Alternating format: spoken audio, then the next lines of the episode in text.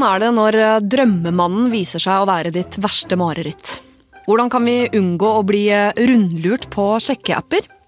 Hvordan kan man vite at folk er de de utgir seg for å være? I dag skal vi høre historien om eh, Elin, som møtte drømmemannen på en sjekkeapp. Bjørn var vakker, han var smart, snill, oppmerksom og stormende forelsket i henne. Men det var allikevel noe som kjentes feil. Velkommen til datinghelvete. I denne podkastserien diskuterer vi nettdating og hvorfor det kan være så innmari vanskelig. Jeg heter Siri, og jeg har med meg superbruker Rosa By, psykolog og samlivsterapeut Katrin Sagen, og i tillegg har vi Kyrre Vatne, som har studert evolusjonsteori. I dag skal vi snakke om det å bli lurt på Tinder. Er det noen av dere som har blitt skikkelig lurt i kjærligheten noen gang? Hva med deg, Katrin? Kanskje ikke lurt, vil jeg si, men at jeg har lurt meg selv litt. Det har jeg jo gjort med å ha vært sammen med, med noen over lang tid som jeg på en måte egentlig ikke passet sammen med, og som jeg kanskje i ettertid har tenkt at ikke nødvendigvis var så bra for meg, og kanskje ikke for han heller, egentlig, eller fordi det er jo ikke bare én runde, men det er jo noen runder med det, da, så jeg vil ikke, vil ikke egentlig si at jeg har blitt lurt av noen, men at jeg har blitt lurt av selve av selve kjærligheten. Det har jeg. Det er veldig fint sagt, Katrin. Men, Rosa, har du noen erfaringer her? Eh, nei, eh, det tror jeg ikke at jeg kan si at jeg har blitt. Jeg har selvfølgelig møtt folk som kanskje så var litt annerledes ut enn, en det, det, jeg må ha fått inntrykk av fra en Tinder-profil, for eksempel. Men eh, skikkelig lurt har jeg ikke blitt. Og hva med deg, Kyrre? Veldig sjelden veldig lite. Jeg syns at uh, jenter på Tinder er stort sett akkurat det de utgir seg for å være. Uh, og man føler at man, man er uh, som, som, mann, i hvert fall, så føler man at dette er et trygt og, og, på en måte ærlig miljø. det har jo skjedd meg ved et par anledninger at de jeg har vært på date med, har sett veldig annerledes ut enn det de eh, gjorde på bilder.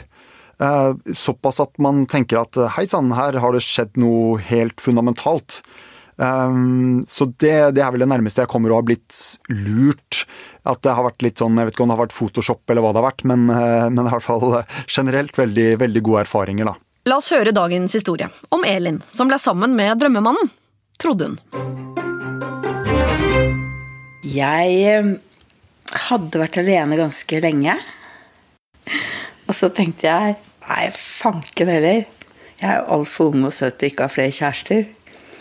Så da gikk jeg på Tinder, da. Da datet jeg noen, og de var egentlig veldig hyggelige alle sammen. Men jeg falt ikke for noen av de. Eh, men så tok han her kontakt. Første gang når han da kom inn i hagen min med et uh, litt sjenert smil, så tror jeg det veldig fort ble to store smil fra oss begge. Uh, han var veldig søt, og jeg tror at han syntes at jeg var også det. Uh, og det var sånn var veldig naturlig å snakke med han.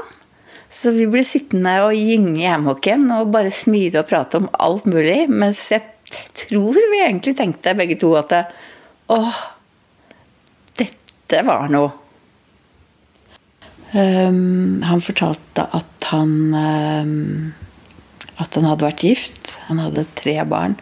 Uh, hadde hatt en far som var en veldig slask. En far som han hatet fordi han hadde bedratt moren på, på verste vis. Og også, sånn som jeg opplever, sviktet barna. Uh, jeg husker også at jeg fortalte han at um, Eh, sånn at eh, det var viktig for meg at han ikke var i et annet forhold, at han var skilt, at han hadde vært det en stund. Og mm, det var jo i utgangspunktet ikke noe problem.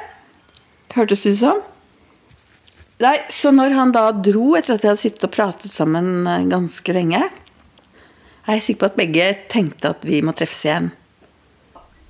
som sikkert veldig mange gjør som treffer noen, så var det første jeg gjorde etterpå, og googla han. Og han hadde jo sagt hva han het både til fornavn og etternavn, og han hadde fortalt ganske mye om familien sin. Men jeg fant ingen som het det han sa han het, som lignet på den han sa han var.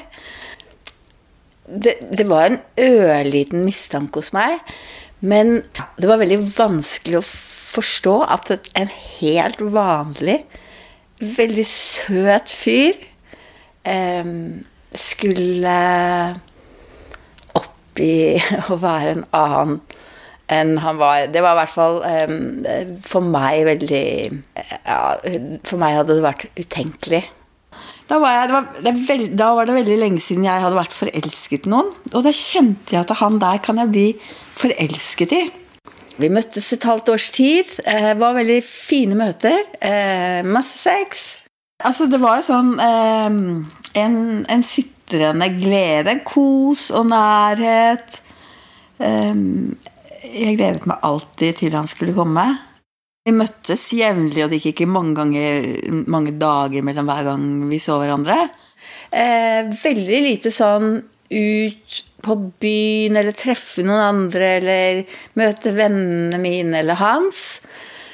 Eh, broren min begynte å bli veldig mistenkelig til den fyren som aldri hadde tid til å henge med meg mer enn sånn stikke innom litt. Jeg syns jo at det var veldig merkelig jeg syns det var et litt merkelig forhold at han ikke kunne treffe meg mer, ligge over hele netter, eh, presentere meg for kompiser. Eh, men samtidig så var det for meg altså Det var så utenkelig fordi det er så fjernt fra min natur. Det var helt utenkelig at noen bare skulle ljuge rått om hvem de var, for å få seg litt sex. Etter hvert som vi hadde vært sammen lenger og lenger, så ble jeg egentlig sammen. Altså, vi var jo ikke kjærester heller, men eh, vi traff hverandre eh, jevnlig eh, flere ganger i uken. Men så begynte jo min mistanke å vokse. Fordi at å vokse og vokse var rett og slett veldig merkelig, det hele. Og så eh, tok han initiativ til å foreslå at vi skulle gjøre noe hyggelig sammen. At vi hadde jo ikke vært ute sammen, at vi skulle gå ut og spise. Og så tenkte jeg mm, ja. Og da hadde han også overnattet hjemme hos meg en hel natt rett for det. Så tenkte jeg ja, nei, kanskje han er den han Kanskje han er bare sånn litt treig. Så jeg sa ja til det. Og han eh, kom hjem til meg, eh, og vi skulle da gå ut. Men da var det plutselig noe som gjorde at vi ikke kunne gå ut sånn som han hadde tenkt. Altså en eller annen merkelig forklaring. Da ble det sånn at vi ringte og bestilte mat. Og så tenkte jeg nei, aldri i verden om han er den han har sagt at han er. Så da um, spurte jeg han etter at vi hadde spist, om han hadde med seg noen form for legitimasjon. Og da um, fikk han tårer i øynene. Og så sa han at han dessverre hadde glemt sertifikatet. Hvordan Elin håndterer dette videre, det får vi høre senere i denne episoden. Er vi skeptiske? Jeg hører at Elin i hvert fall er skeptisk til denne fyren. Og det tror jeg vel alle i rommet er. Er det en sunn skepsis? Ja, jeg tror nok dessverre at det er en sunn skepsis, og at hun skulle ha hørt dette litt tidligere, men at hun liksom er så lurt av Kanskje ikke lurt av lengsel, men i hvert fall at hun er så inni det vil så inderlig at det skal være det hun kjenner at de har. Mm. Jeg var så redd for å oppdage at det er en illusjon, eller at han har et annet liv, at hun liksom bare utsetter det på en eller annen måte, men at hun får jo litt ulike tegn underveis på at dette her er um, er ikke helt vanlig, eller jeg tenker i hvert fall det. ikke sant? At en voksen mann ikke kan ligge over en hel natt, er i seg selv litt rart. Mm. Ja. Jeg, jeg syns kanskje hun skulle hørt litt mer på broren sin. Mm. For uh, han er jo ganske skeptisk. Uh, og, men hun sier jo at det er litt utenkelig for henne at uh, han skulle ljuge om hvem han er bare for å få sex. Og der tror jeg nok kanskje det er en liten sånn kløft mellom kvinner og menn. Uh, at, at, det kanskje er litt vanskelig å leve seg inn i den psykologien for jenter. Men at det dessverre finnes menn som kan gjøre det. Og som har gjort adskillig verre ting også for sex. Så eh, her er jeg redd at hun blir litt eh, lurt, rett og slett. Det syns jeg er litt interessant, fordi jeg satt og tenkte på akkurat det der. Så tenkte jeg egentlig på at jeg opplever det kanskje som en sånn generasjonskløft, mer enn en kløft mellom menn og kvinner. Fordi at jeg tenker at det um, Det kunne du gjort, si. Nei. det håper jeg ikke. Men jeg, men jeg tenker at eh, det liksom det, det overrasker meg ikke et sekund at menn lyver kun for å få seg sex. Det tar jeg på en måte med i beregningen. At eh, man alltid vil være borte på en, en del sånne menn, da. Eh, og det er jo et sånn veldig, føler jeg, etablert, i hvert fall liksom, eh, blant mine venner um, i den alderen vi er i, at liksom alle disse mennene som bare er sånne menn, altså det er liksom, de må man drive og fekte unna og treffer dem overalt, og de sniker seg inn um, overalt. Så, så det syns jeg er sånn fascinerende, egentlig. mm, ja, du tenker at det er en sånn mann-kvinne-greie, da? Jeg vet ikke om jeg er enig i det. Ja, men, og, nei, og det, det er jo et godt poeng. Eh, Jeg, men det er nok kanskje av Blant mine venner som har vært på Tinder, så er det ikke så mange som har vært ute for så mange jenter som har løyet for å få sex. Så det er i hvert fall kanskje en litt sånn eh, annen typisk inngang til det, da. Eh, men, men jeg er jo eh, Jeg tror nok også det er en generasjonselement der, og eh, Tinder er jo på en måte en litt sånn drømmeplattform for folk med dårlige motiver også. Fordi du er litt sånn anonym, og du kan Du, du blir ikke kjent gjennom venner, men du blir bare Du er bare der plutselig. Og det betyr at man må være desto flinkere til å se nettopp etter de røde flaggene. Da. Um, og der er jo sikkert yngre mennesker litt mer savvy, som har, som har vokst opp mer i denne måten å date på. Da. Ja, så skjønnsforskjellen Kjønnsforskjellen ligger i at menn oftere er ute etter å, å, å lure seg til sex, mens aldersgreia nå går på at det, det har vi skjønt nå. Ja. så, det, så dere er avslørt. Men eh, Elin her er jo i 50-årene, så hun har kanskje ikke hekta seg på den ennå. For her høres det ut som om hun blir lurt, og så ber hun jo om å få se på ID på et eller annet tidspunkt. Er vi innafor sunn skepsis der, eller er det nødvendig, liksom, på Tinder? Har du gjort det noen gang? Nei, jeg har heldigvis aldri måttet gjøre det noen gang. Ehm, men eh, Og der er vi jo også kanskje inne i en slags generasjonsting, da. Eh, men jeg har jo eh, gjort eh, mange ganger spurt om å f.eks. bli venner med folk på Facebook, eller få telefonnumre, eller begynne å følge hverandre på Instagram, som jo er en annen måte å verifisere hvem de er på. Ehm, en slags eh, internett-ID, kan du se, si. Så, så jeg, det tenker jeg jo egentlig Jeg tenker jo egentlig at hun kunne spurt om det mye tidligere. At det kommer sent, da. At hun har latt den skepsisen på en måte vokse og gro uten å stikke hull på den, eller liksom få avklart det eh, på et tidligere tidspunkt. Sånn at hun hadde noe mistanke der, men at hun burde ha eh, på en måte Det som kan være lurt i dag, er liksom å bruke internett, google. Google deg frem til, og også hekte deg litt på eh, felles nettverk eventuelt, for å få tilgang liksom, til mer informasjon. Og så gjør de jo noe som er litt sånn eh, tidlig her, eller det var første samtalen de hadde der med hemmokken og det der, så, så eh, selvavslører de historien sin, og jeg tror også at idet han begynner å fortelle om at på en måte en fortelling om en, noe svik fra far, så lander det som en forsikring hos henne om at ja, men da er du en ordentlig fyr, for du har opplevd smerte, så du, du, da er jo du en som ikke vil påføre andre smerte. Og så vil, eh, legger hun selv til at hun er opptatt av, å, eller eh, ikke liker bedrageri, og liksom ikke er en som liksom Eh, eller som holder seg unna det eller er redd for det. Og idet de har hatt den samtalen, så lander det også som en slags forsikring om at ja, men da er han en som ikke driver med det. Og så lever hun på den og liksom tror på den, og det er jo veldig menneskelig, sant? for vi går jo vi, Men vi er jo laget sånn, de fleste av oss, og nordmenn som, som eh, gruppe er jo også veldig høy på tillit. Vi tror at det folk sier til oss er sant, eh, sammenlignet med mange andre samfunn som ikke er så høy på tillit. Vi har høy tillit til eh, myndigheter, vi har høy tillit til at mennesker rundt oss er, er, er det de utgir seg for å være. Mange steder låser de ikke dørene heller. Vi, er som, det, hvis ikke du bor her, går du jo ikke inn her, liksom. Sånn er vi litt. Men tillit er jo ganske viktig i en prosess hvor man skal lære hverandre å kjenne og bli forelska.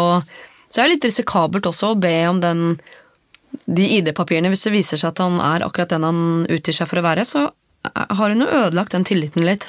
Kanskje, hvis ikke han sier sånn Eller det kommer litt an på, liksom. For han kan jo si ja, det, selvfølgelig. Eh, ja, riktig. Nå ser jeg du er det du sier.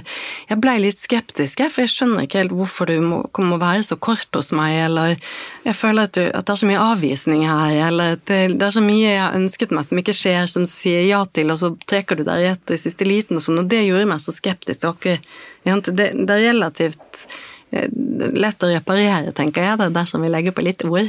Ja. Men, men, hun går jo samtidig rett på å kreve legg. Hun, hun tar ikke den derre Du, hvorfor kan du aldri overnatte her? Så, og det forteller i hvert fall meg at hun kanskje har begynt å bli ganske mistenksom på ja. det tidspunktet. Det vi vet jo ikke hva tårene hans er. Det kan jo være at han blir skuffet over at hun ber, eller hvorfor gjør du dette, blir såret av at du liksom At jeg skal legitimere meg, liksom. Er det, er det sånn vi skal ha det nå? Sånn, så vi vet jo ikke hva det tårer eller nå legger du min fars historikk på meg, aktig. Ja, ja, ja sant, sånne ting. Vi har jo snakket om dette. Liksom, ingen av oss eh, driver med Vi liker jo ikke bedragere. Dette her handler om noe, noe helt annet, liksom. Sant? Så mm. Disse, mm. Eller han vet jo ikke hvorfor hun spør om det engang, hvis hun bare går rett på. Dere har nevnt eh, røde flagg, både eh, rosa og kyrre. Er det noen man kan se etter for å unngå å eventuelt bli lurt? Allerede på Tinder, liksom? På en måte tenker jeg jo at hun dette, det er vanskelig i denne situasjonen her, for jeg vanligvis ville jeg sagt at et rødt flagg er um, hvis personen Altså hvis du selv for gir uttrykk for hva du ønsker deg ut av relasjonen, og den andre personen ikke svarer på det eller unngår den tematikken og sånne type ting, så ville jeg tenkt sånn det er, et, det er et rødt flagg, dette er et ubehagelig tema, eller dette vil vedkommende helst holde, liksom ikke prate om. Men her er det jo ikke det som skjer, da. Han, uh, han drar henne jo inn på en måte i en relasjon og, og speiler jo hennes ønsker og behov hele tiden, på en måte. Så sånn, helt sånn i starten og i samtalen og sånn, så tenker jeg jo at uh, at jeg, jeg, skjønner at hun blir dratt inn i det, men så kan man jo si at sånne andre småting som er sånn greit på Tinder, er jo liksom se ok, hvor mye informasjon har de egentlig om seg selv på Tinder-profilen. Det kan du jo, det varierer jo veldig, det kan du selv bestemme. Du kan jo ha bare liksom fornavn og alder, eller så kan du ha eh, hvor du jobber, hvilken, hvilket universitet du har gått på, eh, hvilket idrettslag du spiller på. Du kan jo fylle på med ganske mye informasjon. Eh, så man kan jo si at sånn for å unngå eh, sånne ting mest mulig grad, så kan det være greit å prøve å eh, gå etter folk som har mer informasjon på profilen sin, da. Og så er det vel noe med dette også hvis det blir veldig sånn ulikevekt med um, hvilket liv man er i. Ikke sant? Hvis, du, hvis, du, hvis, hvis det bare er um, mitt liv som presenteres, du møter mine venner, jeg får ikke møte noen av dine. Mm. Uh, jeg deler min historie, du er veldig opptatt av den, men du deler ikke noe av deg selv. Ikke sant? Det, er sånn, det er jo noen sånne røde flagg hvor, hvor som jeg tenker er, viktig å ha med seg. Så når man kjenner noe i magen som sier at hva er dette? Det er et rødt flagg. Det betyr ikke at det, er noe farlig nødvendigvis, men det betyr likevel at det er noe du bør sjekke ut. Så jeg tror at man skal stole litt på den der dyret i deg innimellom. Um, fordi at um, det er mye, mye rart ute og går. Mm. Ja, og, og, enig. Og her får vi jo også Han kommer jo hjem til henne som første, første date også. Uh, og, og, det er jo også en sånn ting som er litt, uh, litt dumt, kanskje. Bedre å møtes på et offentlig sted. Mm -hmm. uh, og, og, så forteller hun jo også at hun, hun, hadde en mistanke, og hun prøvde å google ham, og fant ikke noe. Mm. Mm. Og det er også litt sånn Det er også litt dårlig tegn, fordi det er jo ofte ganske lett å finne folk hvis du har litt eh, informasjon. Mm. Um, så, så, det var jo på en måte Det var jo i hvert fall noen sånne grunnleggende ting som var liksom skurret litt helt fra start her. Ja, for det er jo liksom den generasjonskløften vi snakker Eller som liksom kanskje liksom er så viktig å huske på, at i det internettsamfunnet vi lever i nå, så må vi liksom Der må vi ut på å spørre om det bli venner på Facebook. Er svaret nei der, eller noe sånt, så, så det er et rødt flagg. Hvorfor ikke, liksom? Eh, men selvfølgelig kan det jo være at hun møter en sier 'jeg er ikke på Facebook'. Ja. Hvis, uh, la oss nå forfølge den stia da, eh, her om at Elin blir lurt av en eller annen mann på en eller annen måte, uten at vi vet noe mer om han. Eh, hva er det han vil oppnå med det? Hva er det, hva er det han tenker at liksom han skal få ut av en situasjon hvor han, han lurer henne? Skal, vil han bare være der litt og ligge, som du sier, og så dra igjen? Er det det? Det virker jo som han er på vei inn i en gjensidig forelskelse, egentlig. Ja, det virker jo sånn.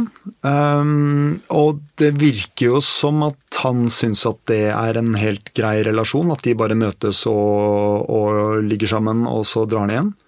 Det ene trenger jo ikke å, å utelukke det andre, på en måte. Det er jo noen av disse tilfellene, det er jo mange forskjellige historier, men det er jo likevel en god del historier der ute av mennesker på, på, Tinder som rett og slett uh, og andre datingtjenester som er ute etter virkelig etter å lure mennesker, mm. tjene penger på dem. Uh, så ikke bare sex, men som er også litt mer sånn organisert, som liksom uh, Hvor det er ulike historier, men noen fellestrekk har det jo. Og det er jo gjerne det at de går veldig tett på, blir veldig godt kjent, stiller opp. Gjerne for, liksom for den andre. Er til stede veldig, men deler ikke så mye av seg selv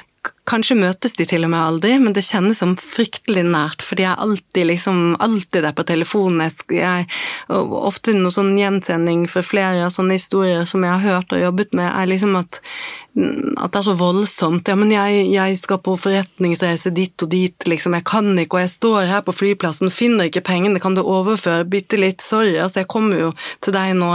Og så blir man lurt inn i noen greier som bare ligger helt på siden av hva man selv tenker. At man liksom blir bare dratt inn i noen gjør, Så man på en eller annen måte kjenner at det kjennes rart ut, men samtidig det, er, det er jo så vidunderlig menneske. Det må, dette her er jo det, er jo det er jo ekte, dette.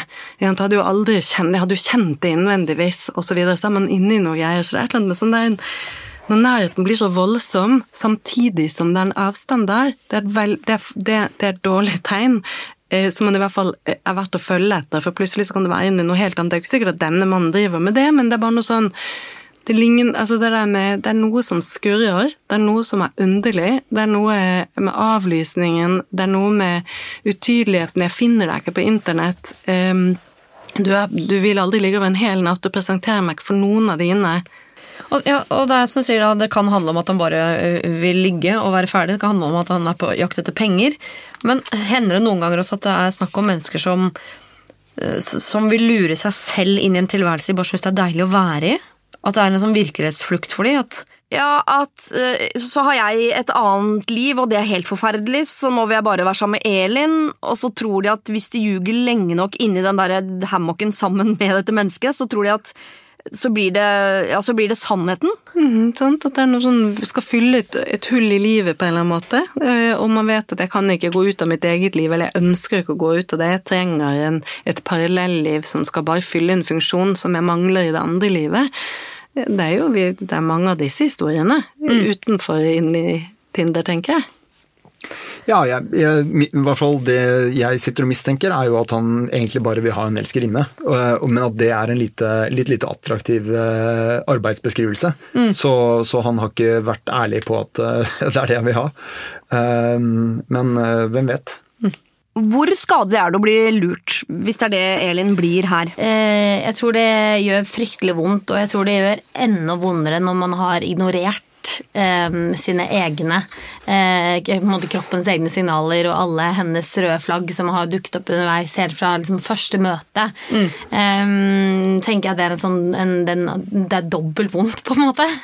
Skuffelsen i seg selv at dette ikke var det mennesket som du trodde det var, men også at du har liksom løyet for deg selv da, og ikke orket å se det eh, for det det var, at det også gjør veldig vondt, da. Jeg tror jeg ble kjent på en eller annen form for skam. At jeg tenkte sånn mm. Nå var jeg dum. Mm. Hvorfor så jeg Altså, mm. de røde flaggene var jo der, hvorfor så jeg ikke de? Mm. Broren min så det jo, liksom. Hvis det nå viser seg da at Elin blir lurt her, kommer hun til å tørre å date igjen? Det hadde jo vært veldig synd, da. Mm. Ja. Uh, vil jeg si. For det er jo altså, Hvis vi forutsetter at han bedrar henne her, da, uh, så er det jo tross alt en liten andel av menn som er sånn. Mm. og at hun da At dette blir en så formativ erfaring for henne at hun blir helt skremt vekk. Som jo er lett å forstå når man, når man på en måte Hun hadde kanskje ikke hatt så mye annen erfaring. Uh, og så skjer dette. Uh, og, uh, men, men jeg, vil, jeg, vil, jo si at hvis hun, hvis, hun, bare følger noen av, av de forsiktighetsreglene vi har snakket om her, ja. så bør det definitivt være mulig å få, få til noe annet på Tinder. Sant, og så kan hun ha tillit til at hun har disse alarmene inni seg. Hun trenger bare å lytte til dem.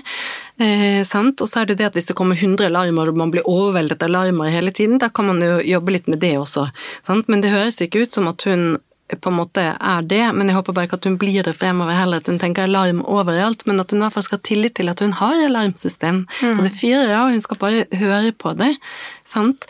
Eh, sånn at hun, For hun kommer nok til å få Hvis han lurer henne nå, så får hun nok seg en ganske grei knekk, fordi at hun nettopp har da kjent det så ekte, og hun har sett at det har vært gjensidig.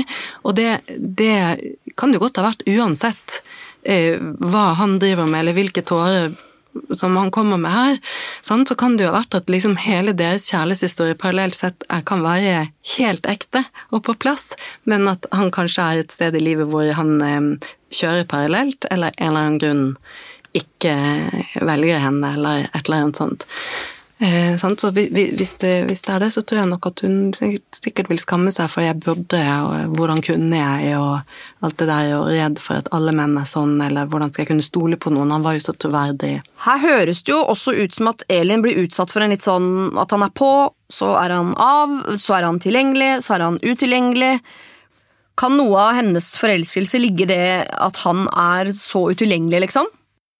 Det vi i hvert fall eh, vet, som er en sånn velstudert og kjent mekanisme hos mennesker, eller hos dyr eh, Det er jo rottestudier som ligger til grunn for dette. Liksom denne mekanismen som er at vi, vi higer hvis vi får noe sånn eh, plutselig, eller en slags belønning, men som ikke er systematisk. Hvis vi får belønningen systematisk, Eh, hvis han alltid er der, så blir vi jo glad for det, selvfølgelig. Men hvis, hvis, vi, hvis, vi, ikke vet når vi får belønningen, når han er på, det at han er av og på, gjør at vi liksom blir helt bananas besatt av å få den belønningen. Ja. Så vi ser liksom i studiene at rottene der, er sånne pellets som kommer når rotten trykker, og hvis pelleten kommer hver gang de trykker, så trykker de innimellom når de trenger mat. Hvis pelleten kommer bare innimellom, så står de og trykker hele dagen. De gjør ingenting annet enn å trykke. Selv når de er mett, de trykker og trykker og eter hele tiden. Ja.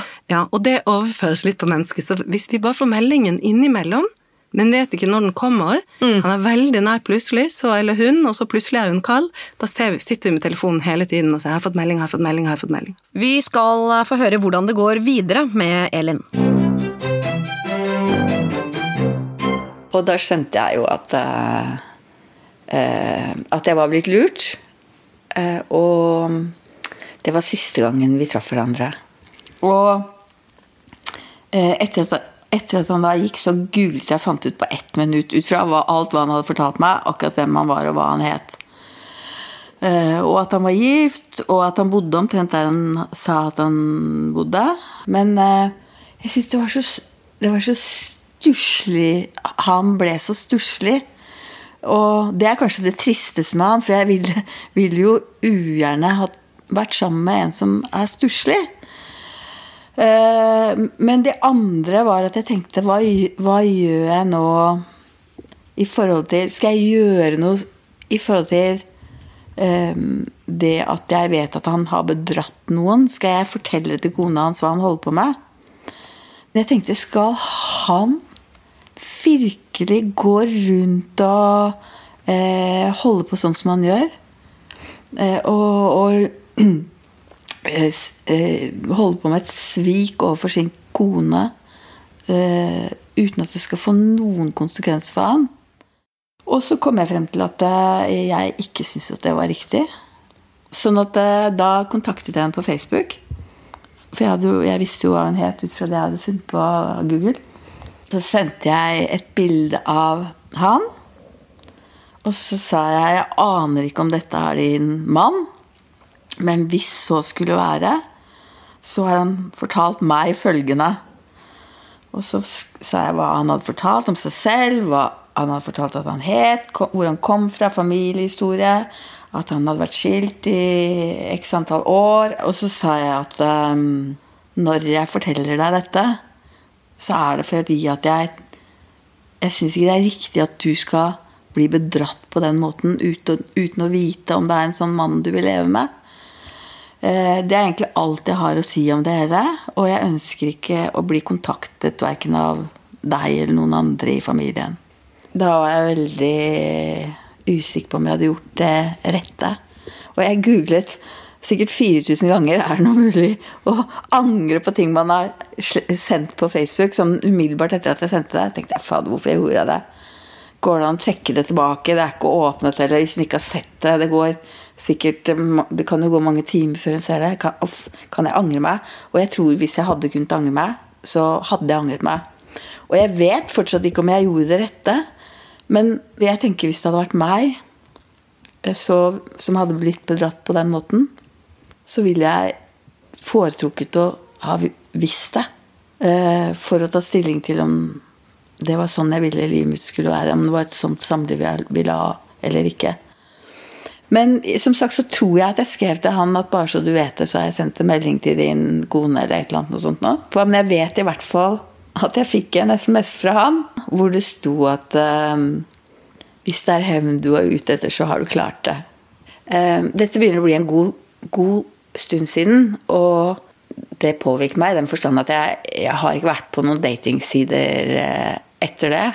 Og jeg heller ikke eh, Det er ikke akkurat det at det står sånn kjempelang kø, men jeg har i hvert fall ikke takket ja til noen av de mulighetene som jeg har hatt etterpå til å få noen kjæreste. Eh, sånn at det har nok medført at jeg har søkt litt tilflukt i en tilværelse som jeg vet at er veldig trygg, og hvor jeg har det godt. Eh, men eh, det er jo samtidig litt trist. For jeg er jo altfor ung og søt og ikke har kjæreste.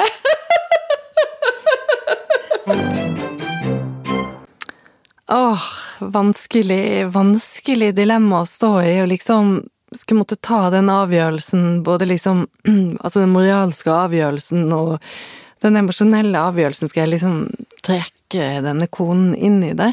Og så følger hun i hvert fall sånn umiddelbart det som hun har behov for selv, så man kan tenke at det er en sånn god avslutning for henne, det der med å få lagt eh, Få ta, på en måte tatt ut smerten av seg selv og plassert den i dette paret der hvor hun syns at den bør være, men så angrer hun litt og lurer på om er det riktig at den konen skal potensielt eller hun kommer jo til å bli lei seg, ikke sant, så det det er, jo kjempevanskelig, men hun gjør i hvert fall dette, og, og, man kan jo forestille seg at det er to typer mennesker, i hvert fall, og at den ene typen vil bli veldig takknemlig for å få denne meldingen, og nettopp eh, bli klar over, hvis hun ikke visste det fra før, at man bedrar henne, og så er det den andre typen som tenker at hva skal jeg med den informasjonen? Nå hadde jeg et deilig liv, og hva han gjør som jeg ikke vet om, det bryr jeg meg ikke noe om, men nå vet jeg det, så nå er på en måte alt ødelagt. Så, og det hører jeg jo at det dilemmaet vet, det, det, skjønner hun jo, hun sier jo også at jeg skulle liksom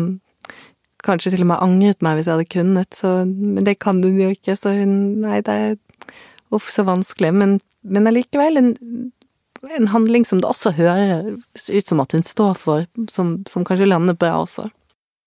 Uff, dette er jo dette er jo bare fryktelig trist, og det er jo på en måte ingen som vinner da, i denne fortellingen her. Denne historien fikk noen eh, fatale ringvirkninger.